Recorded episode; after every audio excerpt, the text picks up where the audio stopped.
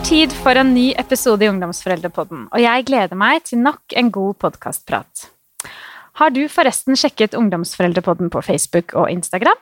Gå inn og følg, og del gjerne videre det. Send meg også gjerne mail til ann-jeanette.samtaleverkstedet.no hvis du har innspill til tema eller spørsmål som du ønsker at mine gjester og jeg skal svare på her i podden. Det er alltid så hyggelig å få mail fra dere lyttere. Temaet for denne samtalen, det er økonomi. Det er et nytt tema her i podden, men det er virkelig på tide. Nå står vi midt i en utfordrende pandemi, og livet er jammen ikke bare bare om dagen. Vi er mye mer isolerte, og det er så mye som blir avlyst. Jeg syns det er skikkelig kjipt, det. Og jeg vet også at mange opplever ensomhet, og ikke minst også økonomiske utfordringer. Mange har blitt permittert og kjenner på mye usikkerhet i disse dager. Og økonomiske bekymringer, ja, det tærer på. Det kan gå på helsa løs, og ikke minst så kan det tære på familielivet og parforholdet. Og så er det en utrolig viktig foreldreoppgave å lære barna å være økonomisk ansvarlige. Og dette vet jeg at gjest i dagens episode er veldig opptatt av. Hun er trebarnsmor, økonomirådgiver og forfatter, og nylig så har hun gitt ut boken Lommeboka i hverdag og krise. Hun har jobbet åtte år med tunge økonomiske utfordringer i en organisasjon, og hun har kjent på utfordringer selv også knyttet til økonomi. Jeg kan ikke tenke meg en gjest som er mer kompetent til å gi dere lyttere, og meg selv også, gode råd og innspill når det kommer til økonomi. Velkommen til Ungdomsforeldrepodden, Guro Sollien Eriksrud. Tusen hjertelig takk. Du, Guro, hvor kommer dette engasjementet i forhold til økonomi fra? Jo, det er egentlig litt sånn tilfeldig. Jeg hadde aldri forestilt meg at jeg skulle jobbe med dette her, egentlig. Jeg er verken økonom eller jurist eller sosionom, så jeg snubla på en måte litt inn i problemstillingen da noen jeg kjenner, fikk store økonomiske problemer. Eh, det var veldig, veldig ille, og jeg skjønte da at eh, de problemene handler om veldig mye mer enn penger. Og det ble på en måte sånn uh, introduksjon til en ny verden for meg. Og så vervet jeg meg som frivillig i Røde Kors etter det. Og da var jeg oppmerksom på denne problemstillingen. Og jeg er jo tidligere journalist, sånn at jeg er ikke så veldig redd for å eh, stille spørsmål hvis det er noe jeg lurer på. Så da oppdaget jeg at dette her er jo noe utrolig mange mennesker sliter med. Nesten ingen snakker om det, og enda færre får hjelp med det. Og det skaper utrolig store konsekvenser for dem det gjelder. Jeg tenker at dette må være ganske sånn skambelagt. Altså, kjenner man, man, kjenner jo fort på skam hvis man står der med beina liksom planta midt oppi en skikkelig økonomisk krise. Ja, det er mm. veldig utbredt å føle på skam. Og det er jo veldig vondt for den det gjelder. Og så gjør det også at veldig mange ber om hjelp altfor seint. Fordi man tror at man er alene om dette problemet. Og det kan jeg si, det er man i hvert fall ikke. Man regner nå med at ca. 800 000 nordmenn er i en familie som har økonomiske problemer på et eller annet nivå. Og det betyr jo at vi alle kjenner noen, selv om vi ikke vet om det. Ja, det er mange. Ja, det er kjempemange. Mm. Det er kjempemange. Og så har vi jo et stort spenn, ikke sant. Alt fra det her eh, veldig tunge gjeldsproblemene, som fort blir altoverskyggende, til mer den derre følelsen av at uh, jeg er ikke kompetent nok. Uh, altså, det er mange som lever helt vanlige liv, for å si det sånn, og ikke sliter med gjeld, men som allikevel føler på at de ikke kan nok, eller ikke mestrer, og gjerne skulle fått litt mer ut av pengene sine.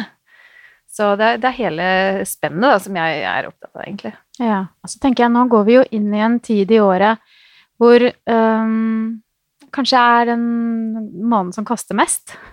ja. For de fleste av oss. Ja. Vi nærmer oss julen, mm. og det skal kjøpes julegaver, det skal være ekstra. Nå er det ikke så mye selskaper i år, da, så sånn sett så tar vi kanskje ned den, den uh, utgiften der. Men likevel, det er så mange forventninger. Og vi skal ikke minst også gi barna julegaver. Ja, ikke sant. Veldig mm. mange forventninger. Og eh, de pengene vi sparer på julebordet i år, de tar vi jo hjem på shopping, regner man med. Jeg så en uh, undersøkelse nå nylig som viste at de regner med at vi kommer til å sprenge alle rekorder i år. Og det, det må jeg si at bekymrer meg ganske mye, da, i et år hvor ekstra mange sliter økonomisk.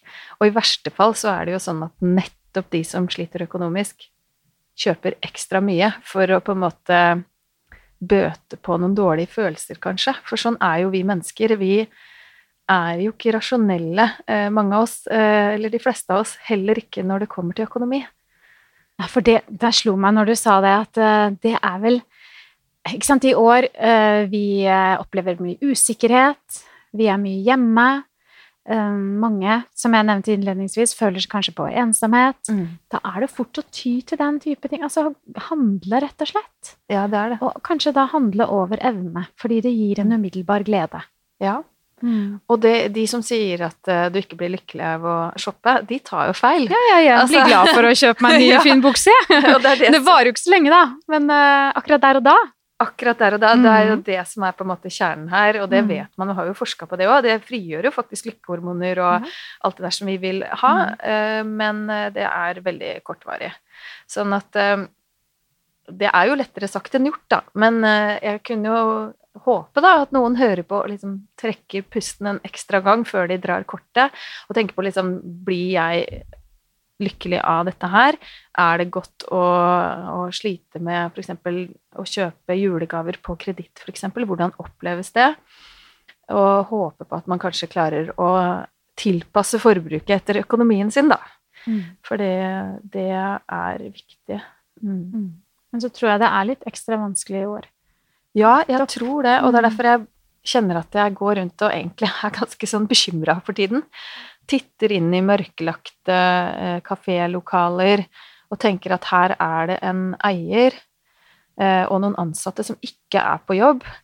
Eh, og til og med store butikkjeder permitterer jo. Eh, man er varsla massekonkurser etter nyttår. Så det er ganske dramatisk for mange. Og i tillegg så er det jo alle de gruppene som på en måte alltid er utsatt. Eh, og også andre typer endringer i livet, da, samlivsbrudd eller eh, sykdom eller andre ting som påvirker oss, da. For jeg tenker jo det at blir man permittert, eller man opplever en konkurs eller noe sånt, så er det jo, det er jo den økonomiske bekymringen. Mm. Men den drar jo veldig mye annet med seg. Ja ikke sant? av uh, utfordringer, tenker jeg, i familien, rett og slett. Mm. Det skaper jo lettere altså, konflikter fordi stressnivået blir høyt, og ikke minst også for parforholdet. Ja. Mm. Og man ser jo at mange selv blant sine aller, aller nærmeste ikke er åpen på økonomi, da. Og at vi kanskje generelt mangler trening på å snakke om økonomi på en uh, god måte. Enten det er med partner eller barna våre eller venner eller kollegaer. Vi er ikke vant med det, rett og slett. Og det gjør det jo ekstra vanskelig hvis man begynner å få utfordringer. Fordi det er jo ikke da man kanskje er best på å ta opp et tema, hvis man aldri har gjort det før. Så det syns jo jeg er veldig synd, da.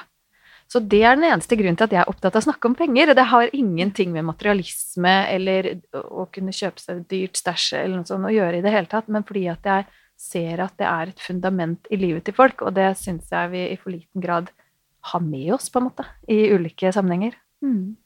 Men ser du forskjell på kvinner og menn der? Eh, har du noen tanker om det, Guro?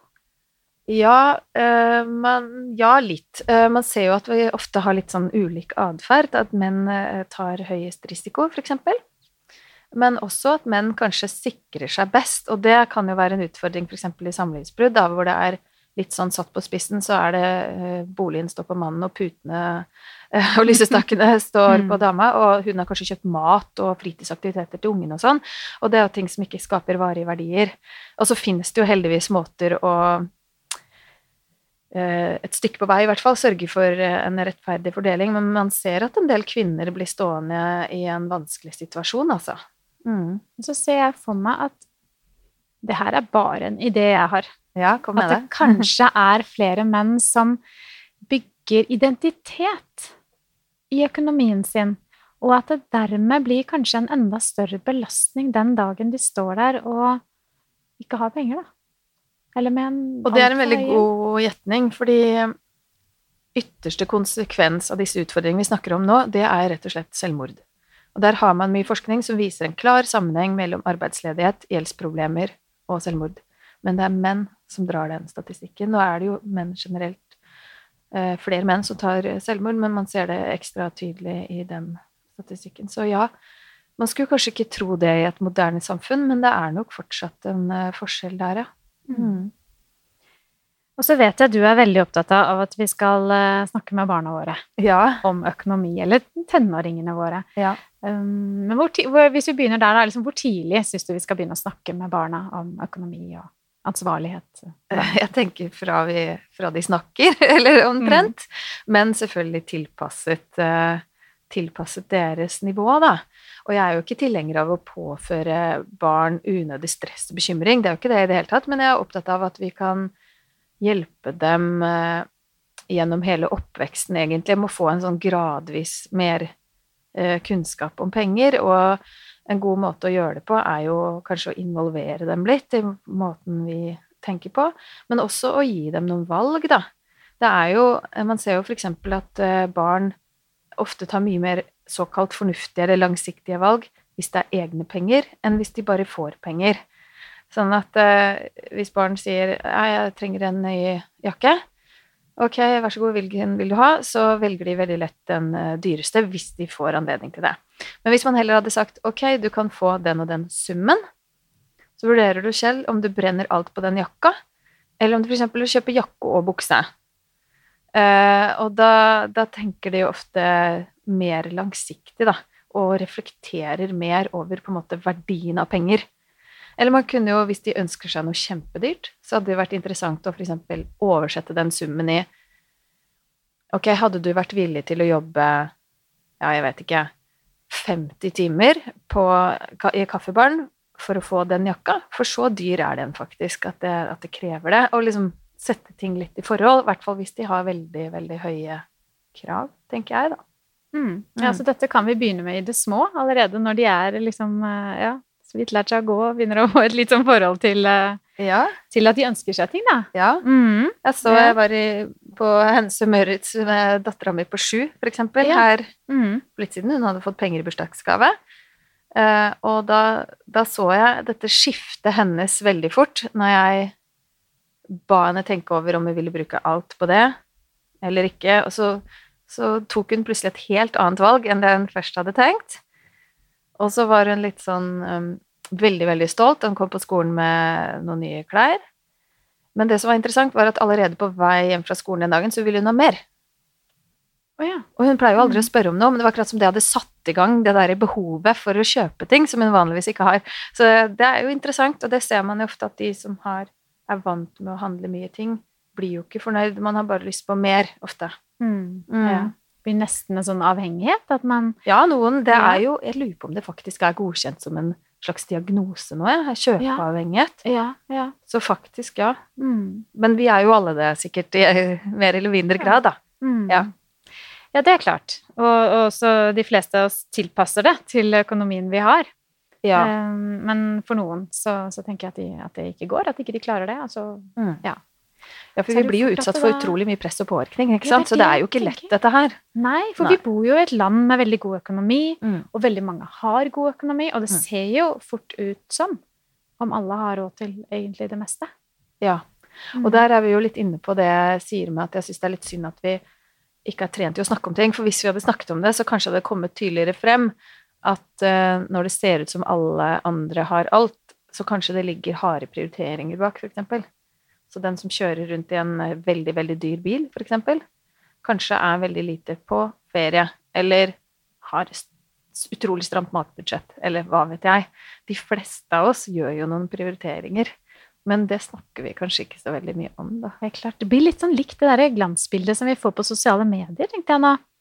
Fordi da ser vi jo også bare høydepunktene på en ja. måte fra mange forskjellige menneskers liv. Ja. Og så tror vi at det er sånn livet er. Mm. Ikke sant? Satt på, satt på spissen, da. Jo, jo, Men det blir jo litt det samme. ikke sant? Vi ser mm. noen som har en dyr bil, og så ser vi noen også de har råd til å reise på ferie. Ja. Og de har veldig dyre klær. Og så tenker vi mm. at, at alle gjør alt det, men de gjør jo ikke det. Nei. Mm. Og det er jo også noe vi burde snakke med barna våre om, for de er jo utsatt for det her hele tida, samtidig som de ikke har den modenheten til å reflektere over det som vi har. Men også vi blir jo kan jo fort tenke sånn. Så det, det krever litt å, å, trene opp og tenke, reflektere litt rundt det, da. Mm. Mm. Selv har jeg merket det faktisk veldig godt på mine barn, for vi begynte med det egentlig når de gikk på ungdomsskolen, overgangen til videregående. At da begynte de å få en fast sum i måneden. Ja. Og så måtte de Det var egentlig han eldste også som bare spurte etter det selv. Mm. Han ville heller det, og så kunne, og skulle han betale mobilregningen sin, eventuelt treningskort, sånne ting. Eh, Vi liksom la det inn, pluss litt Mm. lommepenger, og så måtte han disponere det hver måned. Mm. Han kunne spare, eller han kunne Ja. Eh, Mm. Og det ser jeg har vært veldig nyttig for de. Fordi, og jeg, jeg hører nå på han som er 18, som at han prioriterer. Jeg har ikke råd til den buksa. Mamma, jeg har ikke råd til å kjøpe meg det. Og til og med hårklipp. Måtte jeg bare spandere en hårklipp på han. For han sånn, nei, akkurat nå har ikke jeg råd til å klippe håret. Nei. tenker jeg, ja, ja, kanskje han egentlig ikke har så vondt av det heller. Nei, nei, nei. Jeg kjenner litt på det, fordi snart kommer studietilværelsen. Ja. Og det er vel der også kanskje en del går litt på trynet, da. Ja. For de er vant til å få akkurat det de trenger hjemme, Mm. og så plutselig skal de klare seg litt selv, og så ser de at eh, oi, det var ganske dyrt. Ja, og der Mm. tenker jeg mange av oss gjør ungene våre en veldig stor bjørnetjeneste, da. Hvis de stadig får det de ber om, uh, uten å på en måte at de må ta del i det selv på noe vis. Og det, og det med lommepenger er jo et sånn veldig godt råd, og det tenker jeg de kan begynne med kjempetidlig. Men så kan man tilpasse da summen og hva de lommepengene skal dekke. Altså de kan jo være ganske små, når de f.eks. kan si at du får en viss sum til lørdagsgodt. Det er din oppgave å disponere penger til lørdagsgodt. Og da plutselig skanner de hyllene, og 'oi, den er dyrere enn den', og 'nei, hvis jeg kjøper den istedenfor, så får jeg en i tillegg'. Eh, og så kan man begynne å, å utvide, og det ser man jo eh, at eh, når det er egne lommepenger, så, så er det en helt annen eh, refleksjon rundt det da, enn hvis de bare får ting de har ikke begrep i det hele tatt da, om hvor mye de bruker. ikke sant? Mm. Og det har kanskje ikke vi foreldre heller. Det bare renner ut, sildrer ut. Ja, Ja. det kan jeg godt kjenne meg Mm. igjen i. Mm. Og veldig mange begynner jo dessverre voksenlivet eh, bak startstreken, på en måte, altså med gjeld, dyr kredittkortgjeld og i verste fall betalingsanmerkninger før de i det hele tatt har blitt voksne. Og da risikerer de at de ikke får internettabonnement, mobilabonnement, og, og etter hvert sånn spare til bolig. Altså det blir en veldig, veldig tung start på voksenlivet, da. Mm. Men noe som jeg også har på en måte lagt merke til, er jo at det med eh, gjenbruk Sant? Uh, Thais. Jeg har Ja. barn som stadig er der Ja. og skal handle der istedenfor i butikken. ja. Jeg syns jo også barn og ungdom nå er litt mer opptatt av det, uh, både på grunn altså Kanskje økonomisk, men også bærekraft.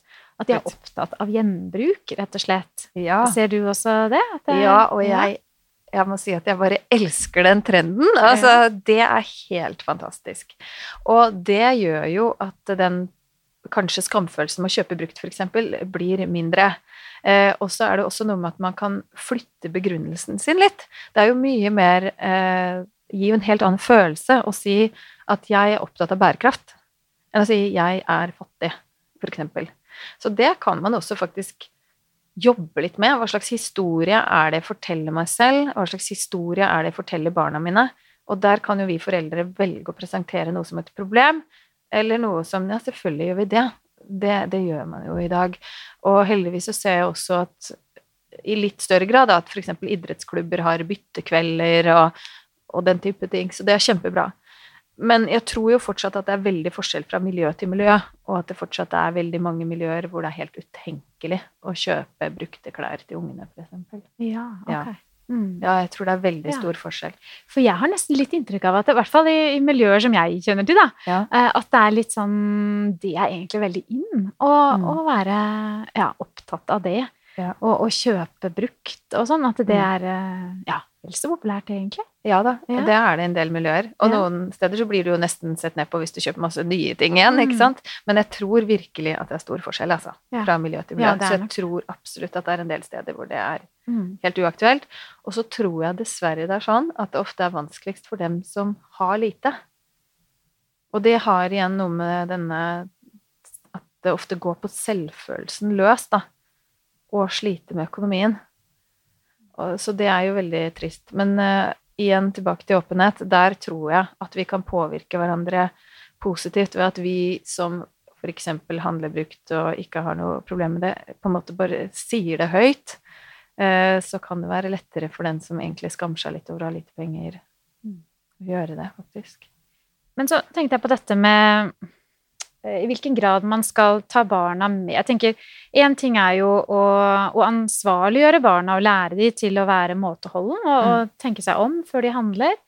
Men så har du de da som virkelig får økonomiske utfordringer, som kanskje en alenemor som sitter der mm. og nå ser, ser, foran ser for seg en jul, mm. ser at pengene kommer ikke til å rekke til. Mm. I hvilken grad skal man involvere barna i det? Hva tenker du om det?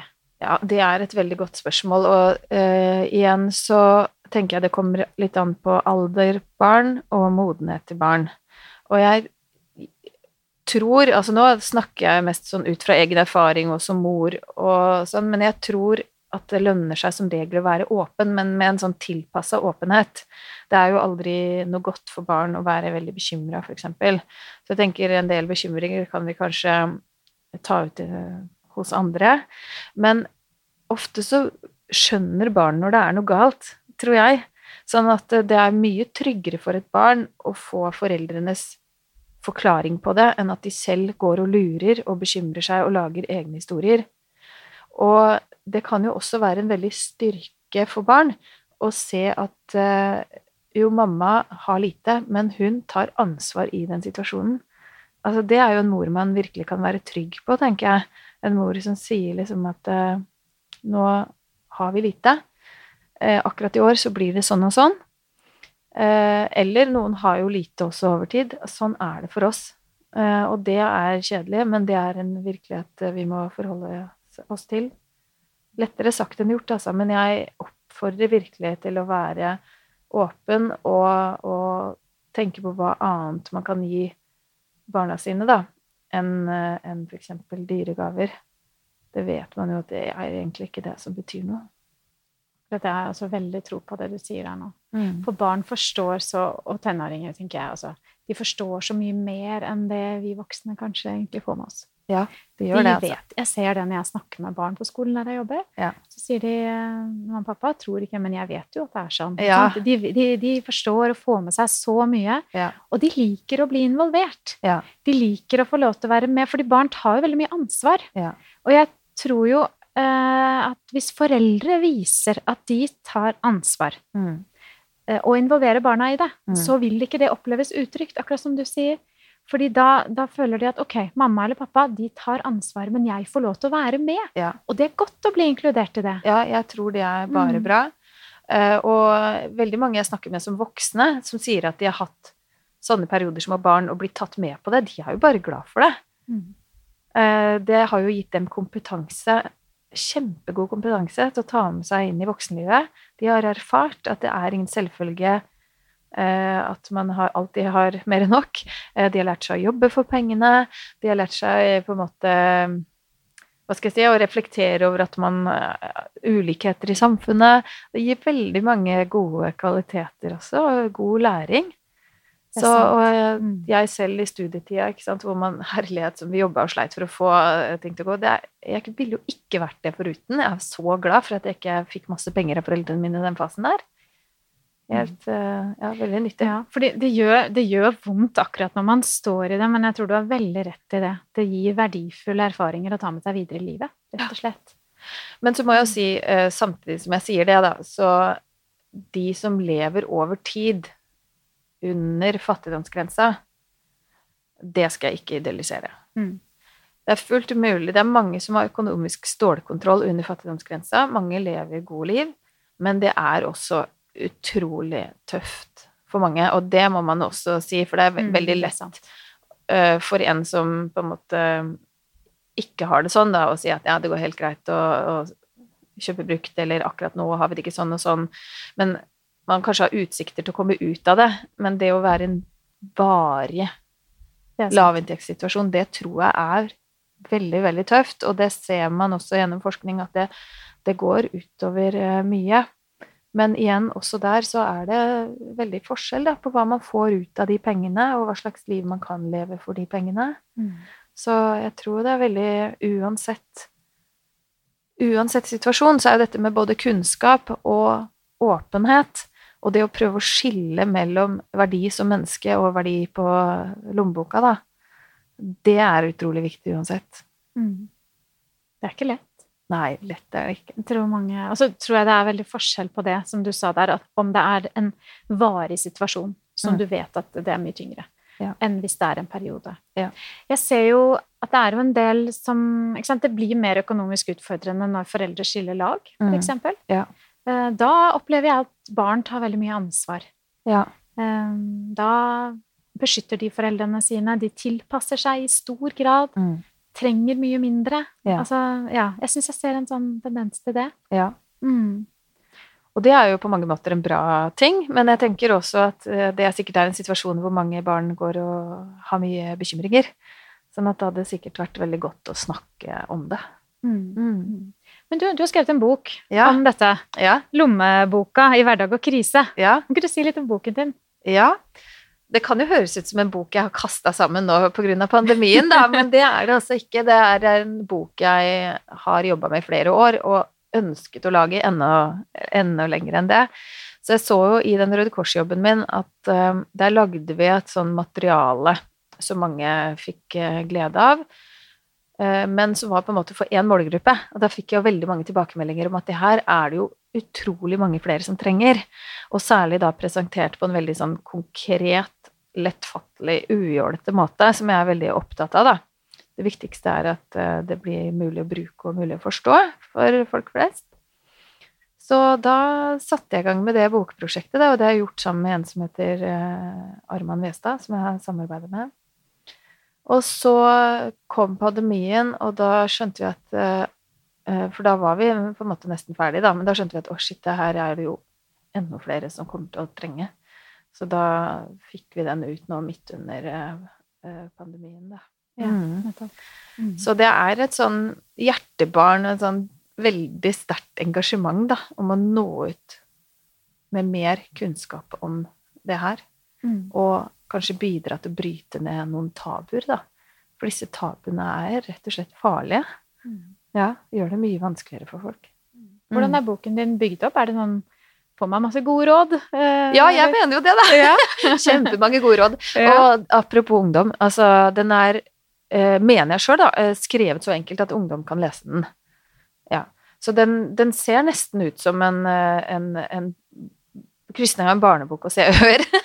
Den er veldig mange bilder og farger og små på en måte bokser og elementer og historier, fordi jeg vet jo en del om hva som er på en måte lesevennlig, og hvor- mye man klarer å ta inn. Så jeg har liksom prøvd å, å få det ut i bokform. Og igjen så vet jeg jo at det holder ikke å liste opp tips. Fordi man må også øve på det mindset, eller den mentaliteten man trenger for å gjøre endringer, da. Eller for å ta dette inn i hverdagen. Så vi har prøvd å på en måte kombinere dette da med eh, hvordan vi mennesker er, og hvilke liv vi lever, og den konteksten vi er i, sammen med veldig, veldig konkrete tips, da. Mm. Så jeg fikk eh, mail fra en som jobber som lærer, og hun var sånn Å, denne skal jeg kjøpe til alle som eh, konfirmerer seg fremover. Eh, fordi hun så på en måte at her gjelder det å gi de unge en, en liten, uh, lite bidrag da, til en ballast som de kommer til å trenge. Ja, for det, jeg, det var et bra julegavetips, rett og Ja, slett. Vi jeg reklamerer litt for det. Veldig mange ønsker seg gavekort og penger og sånn, og Ja. det er jo gjerne borte på et knips. Så, så jeg mener jo noe med å gi den som gjør at man kan hva skal jeg si, skaffe seg eller forvalte penger eh, bedre seinere på egen hånd, da, er, er mye større verdi. Så For det er eh, eh, Hvis man har, den, har både kunnskap og en sånn holdning, så er det utrolig hvor mye man kan få ut av pengene sine. Mye mer glede ut av pengene sine. Og det er jeg opptatt av. Det skal ikke være sånn bare spare, spare, spare og leve veldig kjedelig og Men eh, rett og slett få mest mulig ut av det som gir trygghet og det man vil, på en måte selv. Ja, for det er vel akkurat det, at det gir, en, det gir den der opplevelsen av trygghet og å ha kontroll, og det er godt. Det liker vi mennesker. Vi gjør jo det. Ja. Og så tenker jeg, Nå har jo dette med økonomisk ansvarlighet også, nå blir det tatt inn i skolen også, i større grad enn tidligere, gjennom dette tverrgående temaet eh, folkehelse og livsmestring. Yes, det Ja. er vi veldig glad for. Ja. Har du noen tanker om det? Hvordan, eh, hvordan bør de implementere dette i skolen? Ja, jeg har tusen tanker om det, for å si det sånn. Men eh, for det første så er jeg veldig glad for at det er kommet på plass, og så er jeg veldig spent på hva de ulike skolene gjør ut av det. Men jeg håper at eh, de gjør det så konkret som mulig, at man gjør det praktisk. Eh, at de på en måte må gjøre noe, for da husker man bedre. Og at det er setter i gang noen på en måte refleksjoner, da. Eh, for all del ikke sånn som jeg selv husker jeg satt og punsja foran en datamaskin inn i et uh, regneark, på en måte. Altså, det lærte vi jo virkelig ingenting av. og så håper jeg kanskje at de involverer familien litt òg, sånn at det kanskje kan hjelpe til med å få i gang samtaler rundt økonomi hjemme. Det er sant. Det hadde vært veldig fint. Ja, jeg tror det, var det veldig lurt. Av det. Mm. Sånn at uh, da kan man på en måte gjennom ungdommen få det litt på agendaen i heimen. Det tror jeg er veldig lurt. For fag eller ikke fag, jeg tror fortsatt det vil være sånn at familien man vokser opp i, har mye større betydning enn skolefag. Ja. Det er jeg helt enig med deg. Ja. helt klart. Ja. Det er der man Den primære læringen Ja. skjer i hjemmet. Det er helt klart. Ja. Men eh, jeg vet at du også er opptatt, av sparing. Ja. Ja. Og det å lære barna å spare. Ja. eh, Begynne med det tidlig. Mm. Og så vet jeg du, du nevnte her for meg et sånt bra sparetips, egentlig. Hvis man sparer til barna. Vil du si litt om det? Ja.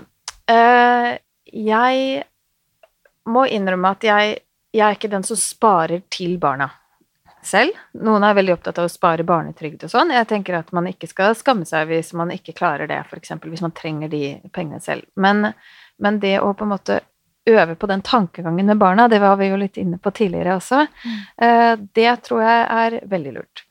Og eh, jeg tror at barn igjen, det der med egne kontra andres penger For eksempel så vil jo gjerne barn bli kjørt overalt hvis de kan. Men hvis de da fikk valget da, mellom å f.eks. begynne å sykle istedenfor, eh, og så fikk man kanskje da en 20-kroning, eller hva vet jeg, da, tilsvarende som det det ville kosta å kjøre bil, eh, så, så kanskje de hadde valgt helt annerledes. Og det er jo veldig interessant, og da får de også inn noen sånne gode vaner, for det er det jeg er opptatt av at man kan få hjemme, da. For eksempel det å eh, gå og sykle til ting som regel, da, istedenfor å kjøre bil. Det er jo utrolig fint av så veldig, veldig mange grunner.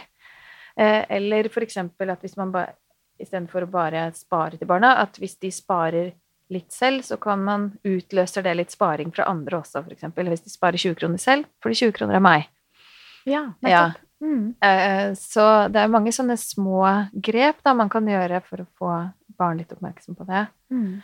Eh, Fordi det er jo sånn at eh, med dagens egenkapitalkrav til bolig, eksempel, det er jo kjempehøyt. Det er veldig vanskelig for mange å komme inn på boligmarkedet, og særlig her i Oslo. Så da er det jo lurt å begynne å spare tidlig, og de fleste kommer jo dit at man ønsker å kjøpe sin egen bolig. Ja, det er en sterk tradisjon for det i Norge. For Ja. det, er, er annerledes i Sverige. Der leier de mye lenger. Ja, og Mm. nesten overalt ellers, tror jeg, i verden. Ja, altså, det er veldig høy eierandel i Norge, men det Mm. er nå engang sånn da, at veldig mange har det ønsket. Mm. Og i dag, med så lave renter, så er det jo også mye billigere, hvis man først får det lånet, da, eh, å betjene et lån, enn å, å betjene leie. Så det er jo også et sånn eksempel på hvordan de som har minst, blir stående i en situasjon hvor de har høyere bokostnader da, enn de som har mer. Og det er jo på mange måter ganske urettferdig, da, men er det sånn det er, da. Mm. Så da kan jo det være en måte hvor barn også fra som kanskje ikke får så høye inntekter, men allikevel kanskje kan klare å komme inn på boligmarkedet. Mm. Mm. Ja, for det er tøft å komme inn på boligmarkedet nå. Ja. Jeg tenker det, det er på mange måter tøffere enn det var Mm. da jeg etablerte meg, eh, Ja. sånn i 20-årene. Ja. Det er 25 år siden. Det, Mm. det så litt annerledes ut. Det var en større en måte, oppgang Mm. som man så at man kunne bli med på. Ja. Jeg tror at ungdom i dag ikke har det perspektivet. På en Nei. måte, eller at de ikke, de ikke helt ser det for seg. Mm. Mm. Um, Og så en ting er bolig, det er jo veldig, veldig langt frem for mange, da, men, eh, men sånn eh, Når de er yngre, så kan man jo kanskje se verdien i det i forhold til eh, en sykkel de ønsker seg, eller sånn som sønnen min som eh, spartet AirPods, eller eller altså at man på en måte kan øke vanskelighetsgraden, eller hva skal jeg si, etter hvert, da. mm, mm, Så ser jeg gevinsten av det. ja. Mm. Mm. Ja, du har vært innom mange temaer, eh, Guro. Ja. er det andre ting du tenker er sånn viktig at foreldre lærer barna sine? Vi har vel kanskje altså, vært innom det viktigste. Jeg tenker at eh, det som er med økonomi, som man kanskje glemmer litt, er jo at vi tar på en måte økonomiske valg faktisk mange ganger hver dag. Men som regel så tenker vi ikke noe over dem, for vi bare gjør det vi pleier å gjøre. Men å prøve å reflektere litt over egne vaner og, og um, hvordan på en måte barna våre ofte tar etter oss og ikke stiller spørsmålstegn ved det. da. Sånn at det er jo Og jeg ser jo ofte at uh, For det er veldig mange som sier uh, pengene blir på en måte bare borte. Altså, det er alltid tomt i neste lønning. Jeg vet ikke helt hvor det er gått, men det er tomt. Uh, og de klarer kanskje ikke å sette fingeren på sånn én dyr ting de har kjøpt men det er summen av alt småtteri. Og det tror jeg mange undervurderer hvor mye det kan utgjøre, da. Den kaffen uh, ute, for eksempel. Ja. Mm. Og sånne et litt sånn banalt eksempel, men sånn som vanen med å ha med seg en vannflaske ut. Altså Vann fra krana hjemme smaker jo like godt som vannet på butikken, men for oss som er en familie på fem, for eksempel, så er det jo sånn bare det, da, så koster det jo 150-200 kroner hvis noen blir tørst, på en måte. Bare vi går ut døra. Så det er jo summen av alle de småtingene. Og det viser vi et eksempel på i den boka, for eksempel, med en mann, helt vanlig mann, singel, ser jeg for meg, voksen, som da ganske Vi regner ut da sånne små sånne endringer i vaner som kan spare han da for 85 000 kroner på et år. Og det er ganske enkle, små ting, altså. Så kraften i de småtingene.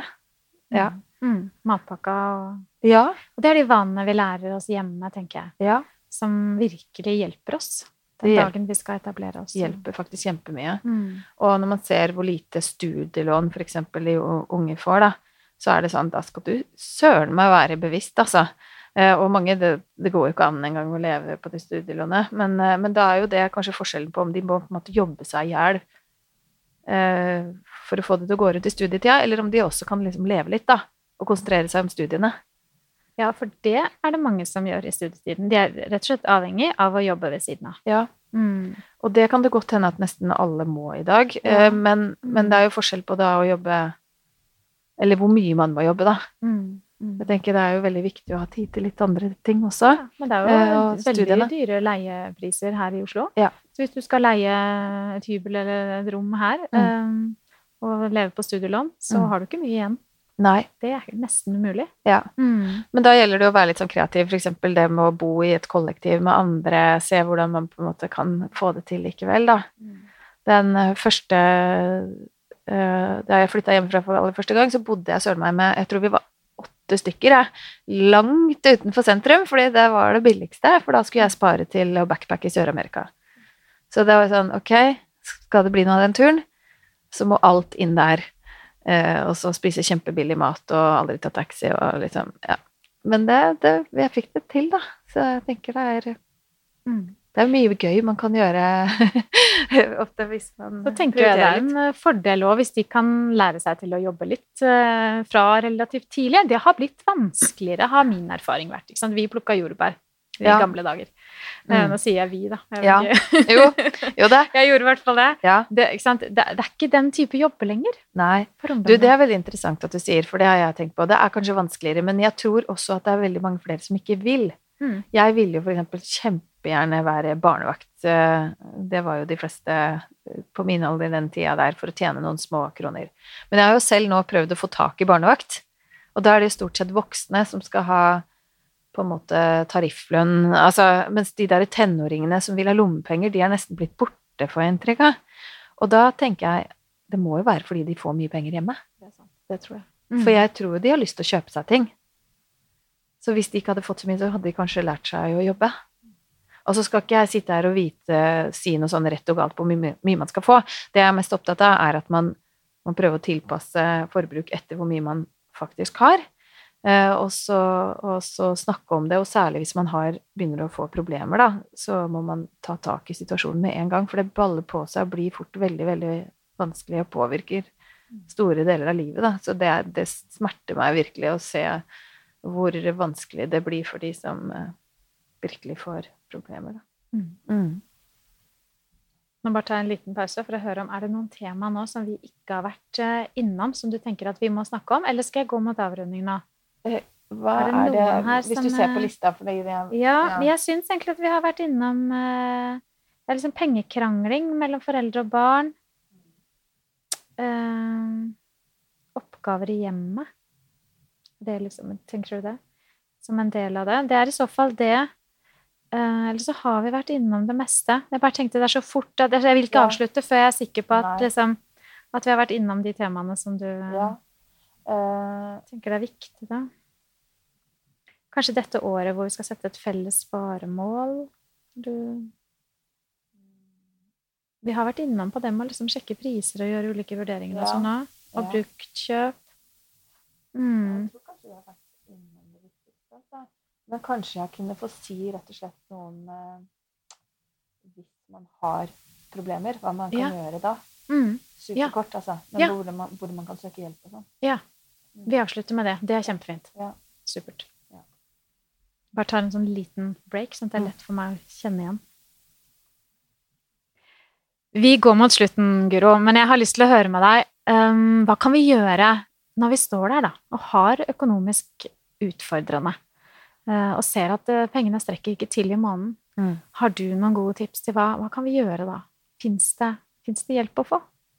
Ja, det gjør det, heldigvis. Eh, og det kommer jo an på hvor langt problemene har gått av. Men det, hvis man har kapasitet til det, for det er det faktisk ikke alle som har hvis det begynner å bli vanskelig Hvis man har kapasitet til det selv, så gjelder det på en måte å gå gjennom hele økonomien sin, rett og slett, og se hvor er det jeg kan begynne å kutte. Og nå når de fleste bruker kort, så er det jo veldig mye lettere enn det var før. Da, for da kan man gå inn i nettbanken og gå tilbake i tid og se hvor er det pengene blir av, egentlig. Og ser om man kan gjøre noe annerledes. Og så hvis man trenger hjelp Veldig mange gjør det. Mange søker hjelp altfor sent. Det er veldig synd, så jeg vil oppfordre til å søke hjelp med en gang hvis man har problemer. Så kan man jo snakke med noen man kjenner, noen man har tillit til. Eller så er jo Nav lovpålagt å tilby økonomisk rådgivning og gjeldsrådgivning. Det er en lovpålagt tjeneste som man kan få et vedtak på. Og, og hvis det er for lang ventetid, så kan man klage til Fylkesmannen. For det er veldig varierende rundt omkring i forskjellige kommuner og bydeler hvordan det er. Og så finnes det også en økonomirådstelefon hos Nav. Den er kjempebra, de svarer kjapt og er veldig kompetente. De kan ikke gå inn veldig sånn i enkeltsaker, men kan gi veldig mange tips og råd. Så det er vel kanskje det jeg tenker er viktigst. Men altså virkelig ta tak i det, fordi det går jo ikke over av seg selv. Eh, De fleste av oss må på en måte gjøre noe eh, hvis det begynner å, å gå den veien. Og til permitterte så vil jeg si at uh, veldig mange må dessverre innse at de kanskje aldri kommer tilbake i den jobben. Veldig mange bedrifter kommer aldri på beina igjen, og hele bransjer kommer til å slite i lang tid. Sånn at det er bedre å akkurat i det tilfellet være på en måte litt sånn pessimistisk og ta litt sånn skikkelig grep så tidlig som mulig istedenfor å vente og se. Eh, og så kan man heller bli glad hvis, uh, hvis jeg tar feil nå. Og det gjør jeg sikkert på noen områder.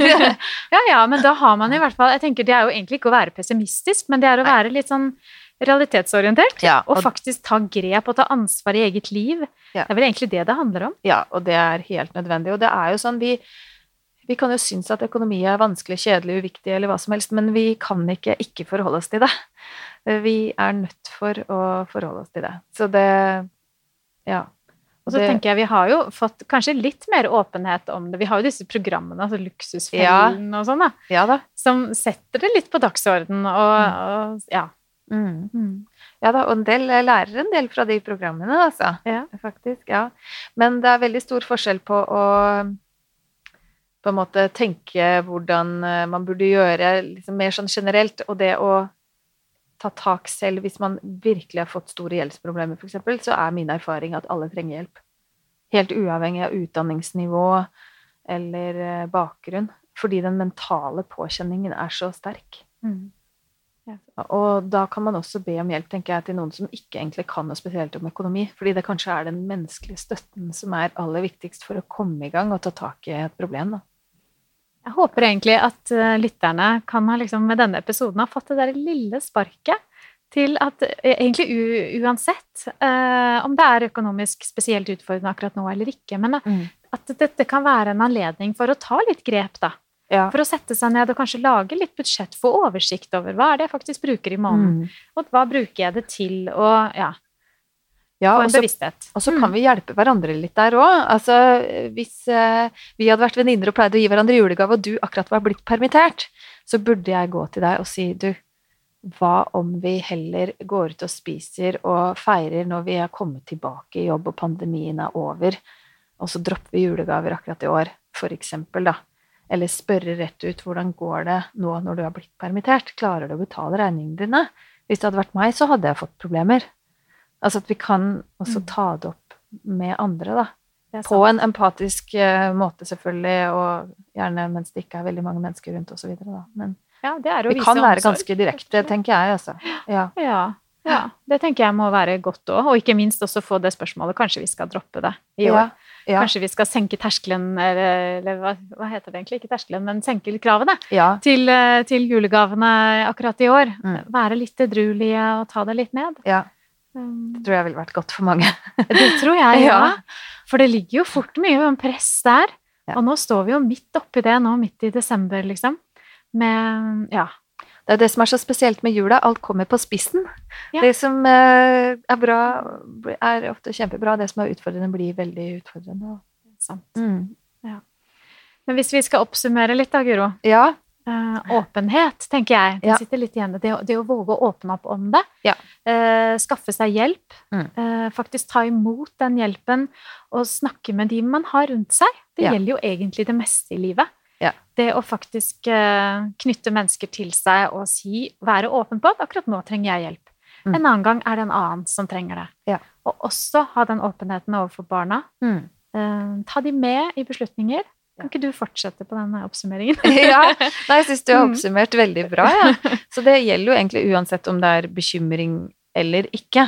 Ja. Uh, så, og det er jo alltid lettest å trene på noe i gode tider, for å si det sånn. Da, da er vi også mer rusta for kriser. Det er sant. Desto større grunn til å ta grep nå. Ja. Mm. Mm. ja. Tusen takk. Jeg har lært masse av deg. Det var veldig interessant. Så bra. Mm. Og hvis noen forresten har hørt på, som vil eh, kontakte meg, så er jo jeg på Instagram og Facebook. Ja. ja. Hvor finner de deg der? Hva, er det navnet ditt, eller? Det er Guro Eriksrud underscore smartøkonomi på Instagram. Og så er det smartøkonomi med Guro på Facebook. Ja. ja. Det så det er lov å følge. følge. må gjerne sende meg en privat melding også, hvis det er noen som hører på og lurer på noe. Ah, så fint. Mm. Takk skal du ha, og takk for uh, praten. Takk for at vi kom. Med.